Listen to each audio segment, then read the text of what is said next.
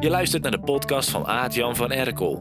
Elke dag een politiek incorrecte marketingtip om de nummer 1 in jouw markt te worden. Daar heeft hij trouwens ook een boekje over geschreven. Bestel dat ding even op www.nummer1.online. En als je een krentenkakker bent, dan kun je daar ook een gratis sneak preview krijgen. Ik ben opgegroeid in Breda en daar plofte in deze carnavalsmaand februari altijd een krantje op de mat, waardoor ik als jong ventje bijna in mijn broek piste van het lachen. Dat krantje heette De Kontklopper. In De Kontklopper lezen de inwoners van Kielegat in de carnavalsweek al het belangrijke nieuws over hun stad en die krant is als enige krant van het jaar geschreven in plat Breda's. Met koppen boven artikelen zoals De Raad van Elf ziet dikwijls dubbel. En Carnaval, hoe moest dat ook alweer? En advertentie van de lokale Albert Heijn met als slogan... Met zulke prijzen kunnen uw rust dubbel inlooien. Wij waren import, dus ik voelde carnaval nooit echt. Maar voor boven de rivieren mensen zoals ik is er ook nog een ander verkleedfeest. En dat is natuurlijk Koningsdag. En wie Koningsdag niet voelt, kan ook altijd nog naar het voetbalstadion... Of naar het café als Oranje speelt, met een Zeeuws meisje klederdracht, muts op je hoofd, een oversized zonnebril op je neus in de vorm van een oranje fiets en een rood-wit-blauw gesminkte porum. Of je gaat naar een themafeestje van je beste vriendin die in de uitnodiging aan de gast heeft gevraagd om te komen in een jaren 60 plateauzolen outfit. Mijn Italiaanse vrouw Chiara die verbaasde zich toen ze pas in Nederland was over de obsessie van veel Nederlanders met zichzelf verkleden en vervolgens helemaal losgaan. Iedere kans om compleet uit onze spijker te gaan pakken we aan. Sinds ze me daarop wees, zie ik het ook. En sindsdien vind ik het contrast met hoe serieus diezelfde Nederlanders zich op hun werk gedragen hilarisch. In de werkstand zijn Nederlanders namelijk nogal van de inhoud. Neem ondernemers. Als die marketing gaan doen, dan zijn ze bloedje serieus. Ze zijn humorloos.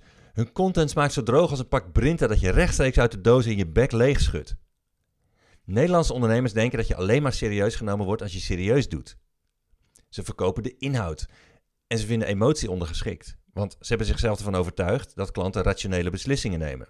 Heel onnatuurlijk gedrag, want Ieder mens weet dat we allemaal emotionele diertjes zijn.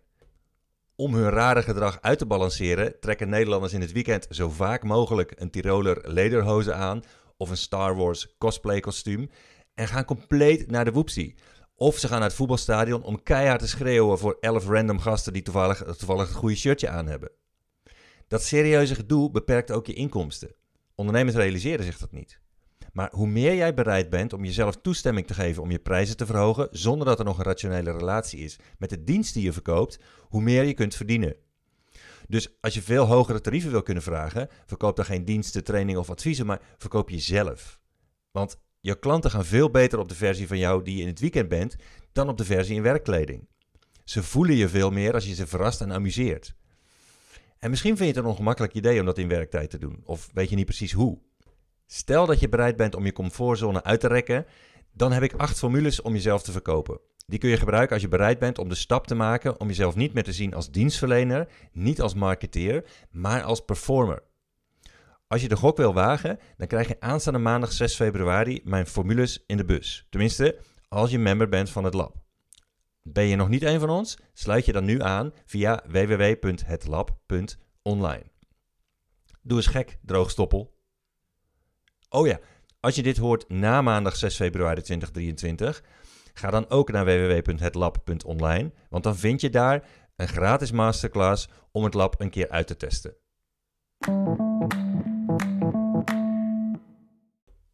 David Ogilvy, die bekend staat als the father of advertising, die droeg in de jaren 50 een zwarte cape met zo'n glanzende paarse voering als hij naar een pitch ging bij een nieuwe klant. Hij droeg ook regelmatig een kilt naar zijn werk als leider van het reclamebureau Ogilvy Mather in de Mad Men tijd op Madison Avenue, New York. En hij liet zich in New York rondrijden in een Rolls Royce, toen bijna niemand in Amerika ooit nog een kilt of een Rolls Royce had gezien. En zijn boeken over adverteren zijn legendarisch onder mensen die de kunst van het adverteren bestudeerd hebben. Trek je conclusies als de hipsters bij het mediabureau dat je inhuurt voor je Facebook-advertenties nog nooit iets van Ogilvy gelezen hebben. En zijn boeken staan vol met quotes die niet alleen vol entertainment zitten, maar ook vol wijsheid. Een voorbeeld is bijvoorbeeld deze quote uit het boek Ogilvy on Advertising over het doen van marktonderzoek. Hij zegt: Respondents do not always tell the truth to interviewers. I used to start my questionnaires by asking: Which would you rather hear on the radio tonight? Jack Benny or a Shakespeare play?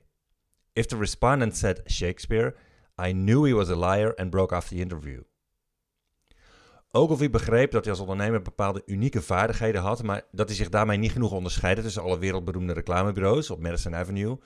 En hij snapte dat hij ook een performer moest zijn, zodat mensen over hem het meeste zouden praten.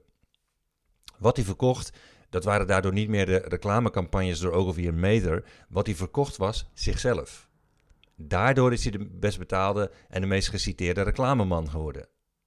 En hoe meer jij, net zoals Ogilvy, bereid bent om jezelf toestemming te geven om je prijzen te verhogen, zonder dat er nog een rationele relatie is met de dienst die je verkoopt, hoe meer je kunt verdienen. In andere woorden, als je veel hogere tarieven wil kunnen vragen, verkoop dan geen diensten, trainingen of adviezen meer, maar verkoop jezelf.